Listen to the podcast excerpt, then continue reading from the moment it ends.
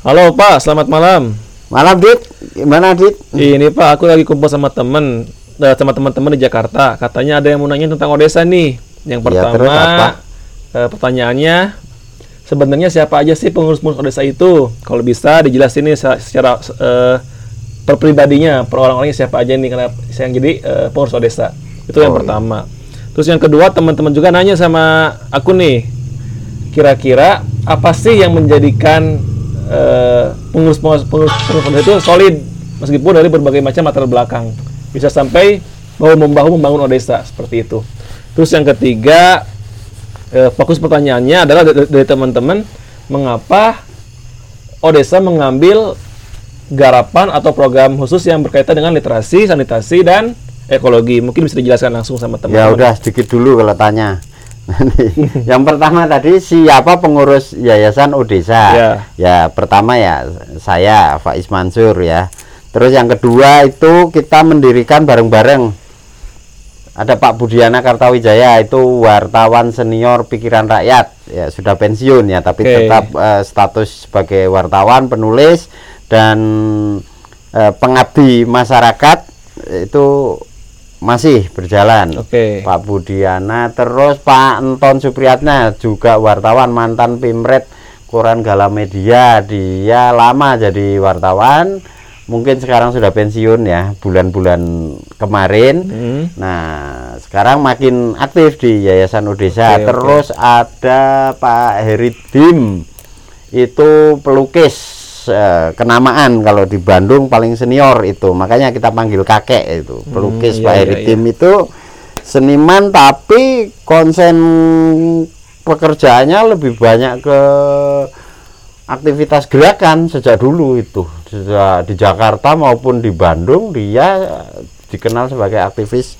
eh, kemanusiaan Mm-mm. terus Pak Basuki Suhardiman Pak Basuki. itu pegawai ITB dulu pendiri Komlab ITB eh, peneliti di sana dan eh, apa banyak berkiprah di bidang pendampingan ekonomi pertanian karena dia minatnya seneng ke pemberdayaan ekonomi eh, orang-orang kecil terus ada Pak siapa Hawi Setiawan Hmm, Pak Hawi Setiawan itu senior di wartawan juga dulu pernah tapi sekarang jadi dosen di Unpas Universitas Pasundan. Betul betul. Nah itu juga lama kenal dengan saya sudah sejak eh, sudah 20 tahun yang lalu saya kenal beliau dan eh, dia dikenal sebagai penulis yang baik, pembicara yang bagus, eh, peneliti yang mahir dan kolumnis yang handal Oke. ada lagi Om Boy Worang. Om Boy Worang itu seniman, musisi dan mantan orang perbankan. Nah, yang saya kenal bareng dengan Pak Remi Silado. Hmm, iya iya iya. iya. Nah, itu Pak Boy Worang itu umurnya paling tua mungkin ya, 70 tahun tapi masih sehat kan. Hmm, hmm. Ya. Dia dulu orang IO juga serba bisa macam-macam makanya masih ngajar kan dia rutin di sini terus ada juga yang dari wirausahawan bengkel itu ada Pak Didin Sudeni itu dia ahli bengkel ahli montir penghobi mobil blazer ya mobil lawas. Iya iya. sampai dia sering ikut mendampingi kegiatan banyak hal terus ada siapa kok banyak lagi kan Odesa nih Terlalu Jadi banyak, mungkin jadi lupa ya. Banyak Ya saya ulang lagi mungkin Pak ya. Ada Bapak sendiri, ada Pak Basuki, Pak Basuki, Pak ada Pak Budiana. Budiana, ada eh, kakek Heridim, ada Om Boy, ada Remi Silado juga mungkin mendampingi, Hmm. Ya, suka main ke sini. Eh, kalau nggak salah ada yang namanya Pak siapa yang dari itu Pak yang dari Mizan itu siapa namanya Pak? Oh Pak Baikuni, Oh, Pak Baikuni, Juli. ya, ya. ya, tapi itu bukan pendiri, tapi eh, sama eh, peranannya sangat luar biasa, hebat-hebat eh, yang belakangan ikut. Jadi kan di kategori kepengurusan itu dulu ada yang pendiri, ya, oh, Pak Saif Salahuddin juga Pak ikut mendirikan, Pak Marzuki Wahid juga berkontribusi banyak hal. Sebenarnya almarhum Pak Ai Priyono waktu ini termasuk bagian inisiator. Eh lupa malah teman kita siapa namanya? Mas Andi Jus ya Mas itu Andi sejak Jus. awal sejak Civic Islam Civic sebelum Islam. Jadi gini dit itu sebelum kepengurusan Yayasan Odesa itu kita tahun 2014 akhir kita sama almarhum Pak Ai Priyono itu peneliti terkenal di Jakarta itu sudah mengagendakan kegiatan-kegiatan Civic Islam. Waktu itu di Kota Bandung waktu saya masih di Kota Bandung. Nah begitu tahun 2016 kebetulan pas saya pindah di Cikadut sini eh, Pak Basuki juga sudah punya binaan itu petani kopi di Sindang Laya sana. Nah kita sering ketemu nyambung-nyambung akhirnya kenal petani macam-macam ada Mang Ujang Kang Toha dan akhirnya kita sambungkan nih dengan teman-teman kota supaya kalau ada kepedulian ada pengabdian sosial kepada keluarga-keluarga para sejahtera eh, nyambung. Nah Iya, iya, di situlah pengurus-pengurus baik yang dulu eh, mulai m- menginisiasi gerakan civic Islam ketemu nih badannya civic Islam itu kan roh pemikiran jadi badannya itu di Odesa Oke. sekarang gerakan kelompok sipil yang eh, memiliki perhatian khusus terhadap masalah kemiskinan. Nah, kebetulan nih nyambung menyambung teman-teman kita kan banyak sekali di Kota Bandung ini. Eh, kait berkait ya banyak yang sepaham. Ada Pak Taufik juga yang dari Hmm, iya, Pak iya, Ahmad iya. Nasir itu sejak awal juga dia beliau senior dulu peneliti terkenal bahkan di Tasikmalaya sejak zaman Gus Dur juga Oh, iya. sudah melakukan dan beliau tetap ada juga almarhum Profesor Daryat Moko Hmm. itu di Amerika yang 30 tahun waktu sudah pulang itu kira-kira tahun 2011 akhir terus saya kenal dikenalin Pak Basuki itu tahun 2013 kalau nggak salah akhir juga itu Mhm. Nah, saya sering ke ITB juga diskusi-diskusi. Nah, dari situ pengurus-pengurus itu saling kait mengait dan basis eh, pemikirannya yang beragam. Ini tidak ada yang sama di kita. Mhm. Itu eh, nyatu satu kepentingan, tujuannya ngerti, saling pengertian. Itu kenapa kalau pertanyaan eh, siapa teman yang dari Jakarta itu adalah eh, terjadi berbeda-beda latar belakang nih. Iya, iya. ada yang dari kampusnya saja berbeda-beda di sini itu Eh, latar belakang pekerjaannya berbeda-beda. Kok ada yang dari bengkel sama penerbit di Mizan ini kan nggak nyambung sebenarnya kan. terus ya. ngurusin petani gitu kan. Itu kan pertanyaan yang esensial. Iya, kok iya. bisa? Ya bisa sebenarnya karena itu juga memakai alur. Artinya bukan ayo rapat terus kita mau apa? Mhm. itu bukan seperti itu. Kita itu bekerja menemukan orang menemukan kelompok eh, masyarakat prasejahtera terus ini harus diapain? Gitu Iya, loh. iya. kita itu harus membantu apa? Itu yang kemudian kita melakukan. Nah kalau kita harus membantu apa maka latar belakang akademik latar belakang bahkan sekarang kan beberapa teman-teman bapak-bapak tentara itu yang di Satgas Citarum kan merapat dengan kita Hmm, artinya iya. sangat tidak penting oh iya Kiai Maman Kiai Maman Imanul Haq jadi ada dua kiai yang di Odesa itu Kiai Haji Marzuki Wahid Hmm. Kiai Maman Imanul Haq kalau Pak Asep Salahuddin walaupun sekarang rektor di pesantren anu tapi eh, kadar kekiaiannya masih aku pertanyakan itu Berguru. Enggak, beliau juga seorang alim yang cakap, eh, menulis bagus, pembicara bagus, mubalik yang bagus. Eh, tapi lebih menonjol dia sebagai seorang penulis dan Penulis. eh, pengisi acara ilmiah keagamaan ya. Nah itu, tapi ya terus teman-teman Jakarta itu kontribusinya juga banyak sekali kalau kita hitung satu persatu yang ada Ibu Popi itu kontributor Odesa sejak awal Eh, itu di Australia tinggalnya. Jadi banyak sekali ya sebenarnya eh, peng- kalau yang ditanyakan adalah siapa saja pengurus Odesa. Odesa. Nah, Oke. itu peran masing-masing ya ada yang memberdayakan, sangat aktif, kelewat aktif karena mungkin punya banyak waktu, agak sedikit pengangguran juga. Jadi punya banyak waktu luang. Nah, kayak Pak Basuki itu kan kerja di ITB, habis di ITB kosong ya langsung ke Cimenyan, nggak ke rumahnya gitu loh. Sehingga nampak Pengangguran. nah, seperti pengangguran. Seperti itu. Nah, begitu dijelaskan. Terus eh, saya juga sering baca Pak di website Odesa itu ada salah satu sosok perempuan yang selalu hadir mendampingi masyarakat seperti membangun MCK, membangun Oh, Bu Juli. Eh, siapa? Bu Nina. Bu Nina mungkin Oh, ya. Bu Nina juga lupa. Jadi saya banyak lupa ini karena saking banyaknya. Bu Nina itu saya kenal sudah lama juga sama Pak Dani Hilman. Itu dokter geologi, Geologi, dari- terkenal itu. LIPI ya? nggak lupa sama Bu Nina. Hmm, tiap eh, sebulan berapa kali ke sini. Bu Nina itu kebetulan aja waktu itu kan eh, agak telat dia sudah dua tahun kita bekerja. Berdiri, hmm. Ya Bu Nina baru merapat karena ada teknis kepindahan rumah waktu itu sehingga punya. Tapi kita komunikasi jalan apa. Nah begitu Bu Nina nancep ke sini kan langsung percaya. Eh, apa yang kita lakukan udah eh, TikTok TikTok langsung bekerja semua gitu loh Iya, iya. nggak perlu kontrak MOU kerja sekarang.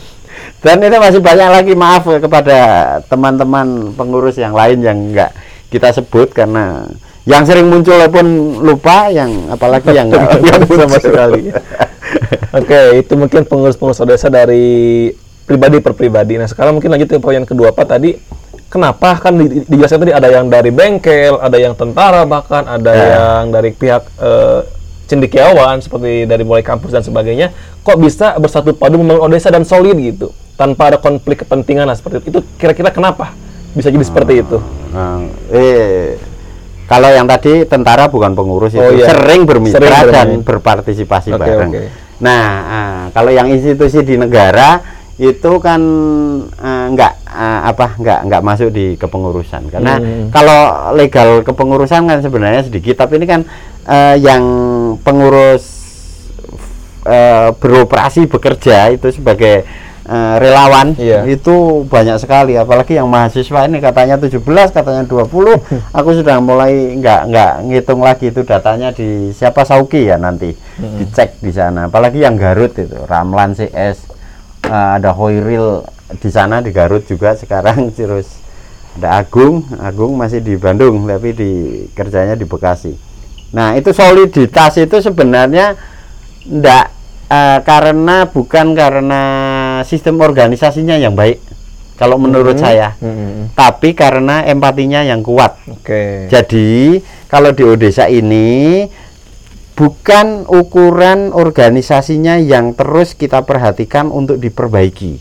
Oke. melainkan sebagaimana eh, se- sejauh mana maksud saya ini empati ini terus berkembang memperhatikan orang-orang yang layak diberikan empati ini yang harus di skala prioritas yaitu keluarga prasejahtera terutama miskin. Yang miskin aja ada yang lebih paling miskin sangat miskin atau yang statusnya fakir itu.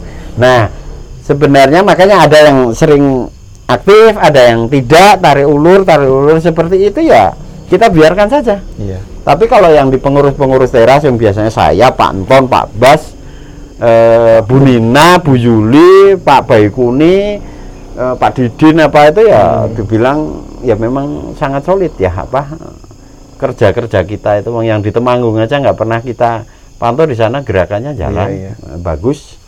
Itu ya ini eh, apa kualitas kerja organisasi ini sangat ditentukan oleh komitmen para individu-individu ini. Jadi kalau saya eh, dibilang organisasinya bagus itu sebenarnya enggak. Hmm, Saya saya berani ngomong, tapi kualitas manusia-manusianya yang bagus. Saling percaya. Terus kalau nggak ada konflik memang nggak pernah ya kita. Tapi kalau berantem kan sering berdebat. kalau itu harus diciptakan itu. Makanya aku kepingin kamu yang mahasiswa relawan ini kajian ini harus diinsentifkan belajar berdebat. Oke. Nah, tapi jangan hanya kerjanya bisa berdebat saja loh harus pengabdian sosial. Perlu aksi sosialnya. Apalagi Dit, Oke, yang tadi yang ketiga, tadi ini belum terjawab nih. Kenapa Odessa mengambil fokus eh, gerakan pada bidang literasi, terus ekologi dan sanitasi? Nah, ini begini, kita itu akibat itu akibat kerja etnografi. Nah, Oke. jadi kita itu belusukan mematangkan masalah-masalah apa yang dihadapi oleh golongan fakir miskin atau keluarga prasejahtera itu. Mhm. Kita lihat, kita saksikan, kita pelajari dulu.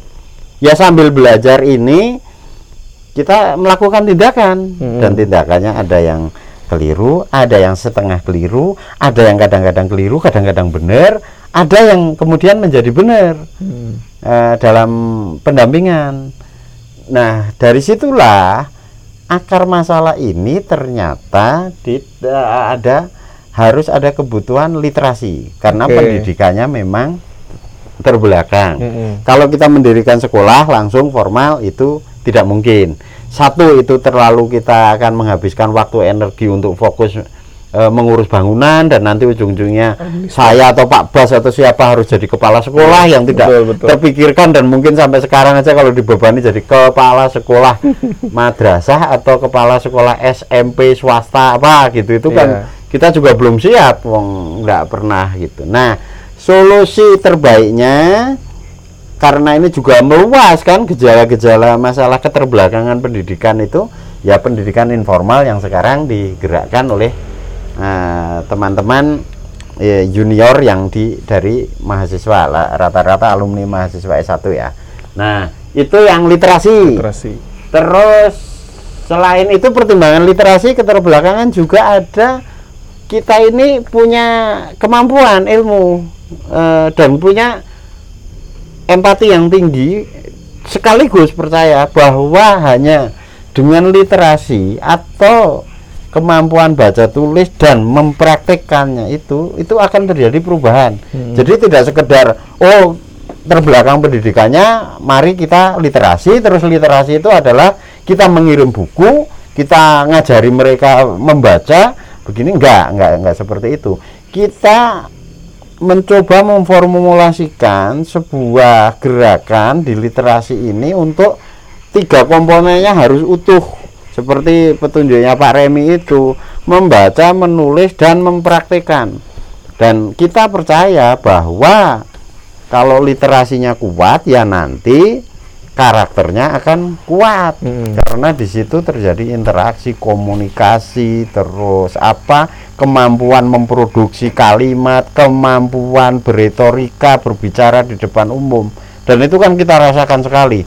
Dari bulan ke bulan tahun ke tahun progresnya sangat bagus. Itu yang membuat kita betah karena ada hasil yang eh, bisa diperlihatkan.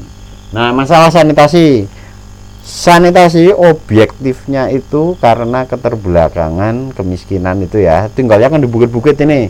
Terus jauh berjauh infrastruktur itu nggak ada. Air bersih itu menjadi persoalan yang bukan vital lagi tapi fatal.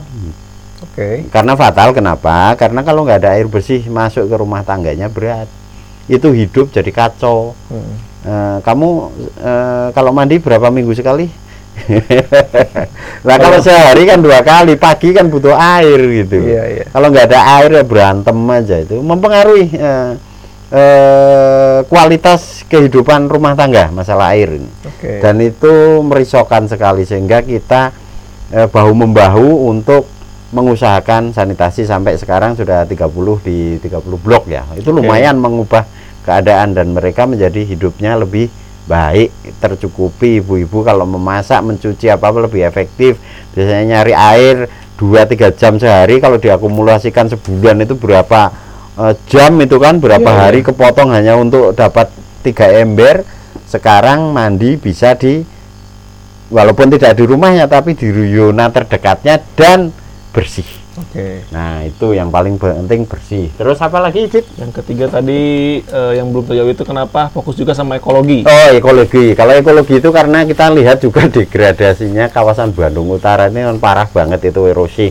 Banjir-banjir yang ke kota Bandung itu hampir sebagian juga disebabkan oleh eh, krisis atau erosi di kawasan Bandung Utara. Banyak banjir lumpur. Nih, kalau hujan curah hujannya tinggi ya yang di Cimenyan sini itu enggak masalah mungkin. Tapi kan tahu-tahu di sana banjir. Iya, iya. bahkan di kota Bandung itu hanya gerimis.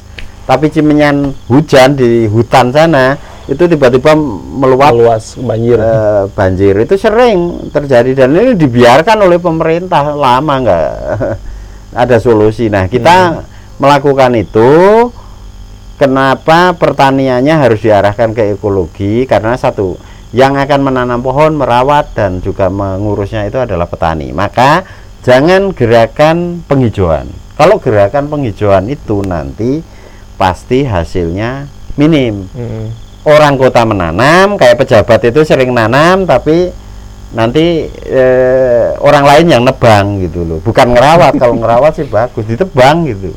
Nah kalau petani yang dikasih bibit, nah sambil diedukasi di situ ya, dicarikan bibit-bibit yang menghasilkan, jangan kalau pemerintah itu agak konyol sudah lama itu nyebarin bibit kayu. Lah kalau kayu kan lima tahun ditebang. Iya. Nah, kalau bibit buah, bibit macam-macam apa termasuk kelor itu satu kelor menghasilkan gizi yang bagus. Itu saran dari Perserikatan Bangsa-Bangsa. Oke. Lagi-lagi pemerintah nggak responsif soal ini. Yang kedua, dengan gi- eh, mendapat gizi yang baik, kita tanam nih di eh, lereng-lereng itu, di ladang-ladang yang sering erosi, apalagi sering dicangkul tanahnya diaduk-aduk ke bawah, termasuk kali kecil jadi lum- banjir lumpur itu. Iya. Itu tercegah erosinya. Itu dengan kelor, itu satu contoh. Nanti pohon durian dan lain sebagainya juga dibutuhkan. Nah, terus juga di luar ekologi itu kalau ekologinya berkembang nanti pendapatan ekonominya juga meningkat nah kita juga punya program nih selain ekologi di perladangan juga ada ekologi di sekitar rumah tangga. Jangan sampai ada tanah yang nganggur sekalipun semeter dua meter. Makanya digerakkan tani pekarangan dibagi polybag eh, keluarga keluarga fakir miskin ini dikasih kalau ada yang yakat atau yang sedekah yang apa. Bukan untuk langsung dikonsumsi ya sesekali harus dikirim beras itu ya tapi kalau dikasih beras terus kan eh, sekilo dua kilo juga habis dua hari. Oke. harus di eh, tasarufkan dengan model lain. Kasih polybag kasih benih. Dan akhirnya apa? Mereka dapat sayuran yang bergizi bisa dijual dan terbukti kan? Meningkatkan pendapatan ekonomi dan memperbaiki gizi mereka. Hmm. kalau airnya terpenuhi gizinya bagus ditambah dengan literasi sudah pasti maju sebenarnya. Indonesia itu terbelakang ya karena tiga hal ini. Nah kalau tiga hal ini diurus secara benar pasti jadi maju. Kan Indonesia itu peringkat rendah eh, 150 sekian dalam literasi. Mhm. terus peringkat prestasinya itu prestasi buruknya sanitasi. Nomor dua setelah India terburuk di dunia kalau nggak salah itu. Sekarang ya situlah nggak mungkin nomor 10 lah pasti nomor nomor 1 2 3 itu Indonesia itu. Buruk eh, sanitasi. Yang ketiga tingkat kerusakan-kerusakan ekologi di di luar hutan yang rusak ya. Kalau hutan sudah kita eh, ngerti ya banyak kerusakan. Nah ini di perladangan saja nggak ada solusi. Pemerintah itu nggak pernah punya modeling modeling yang progresif. Padahal ini yang dimaksud sebenarnya inovasi inovasi itu kalau sekarang yang dibicarakan adalah digital Iya, gitu kan betul, dit? betul. nggak kayak eh, seumur kamu itu kan taunya kalau inovasi adalah teknologi yang yang modern modern bukan. Kalau inovasi itu yang paling pokok adalah hal ini harus ditanamkan.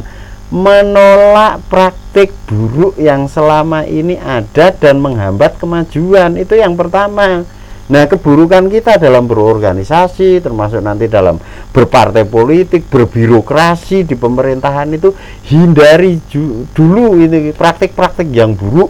Kita nggak usah bicara teknologi dulu. Bahwa teknologi bisa mengurangi keburukan itu oke itu baru inovasi. Tapi kalau teknologi itu hanya untuk memperbaiki memperbaiki tidak mem- me- terbukti mengurangi keburukan itu namanya proyekan itu pasti biasanya oke jadi ini yang kita lakukan seperti itu. Kenapa? Dari tadi pertanyaan pengurus sampai program sampai eh, targetnya sudah aku jawab. Oke. apalagi? Cukup? Cukup Pak, ini juga sudah terlalu panjang dan terlalu banyak dan mudah-mudahan ini eh, teman-teman di Jakarta merasa terpuaskan rasa penasarannya tentang apa sih Odesa dan apa saja garapan-garapan Odesa di Ah. Bandung di khususnya di Bandung Timur ini. bilangin nggak usah banyak tanya ke sini Oke, ke siap. Oke, nanti Nah, biar ngerti ya ke kantor ke Ceminyan. Oke. Oke. Terima kasih Pak. Selamat malam. Oke.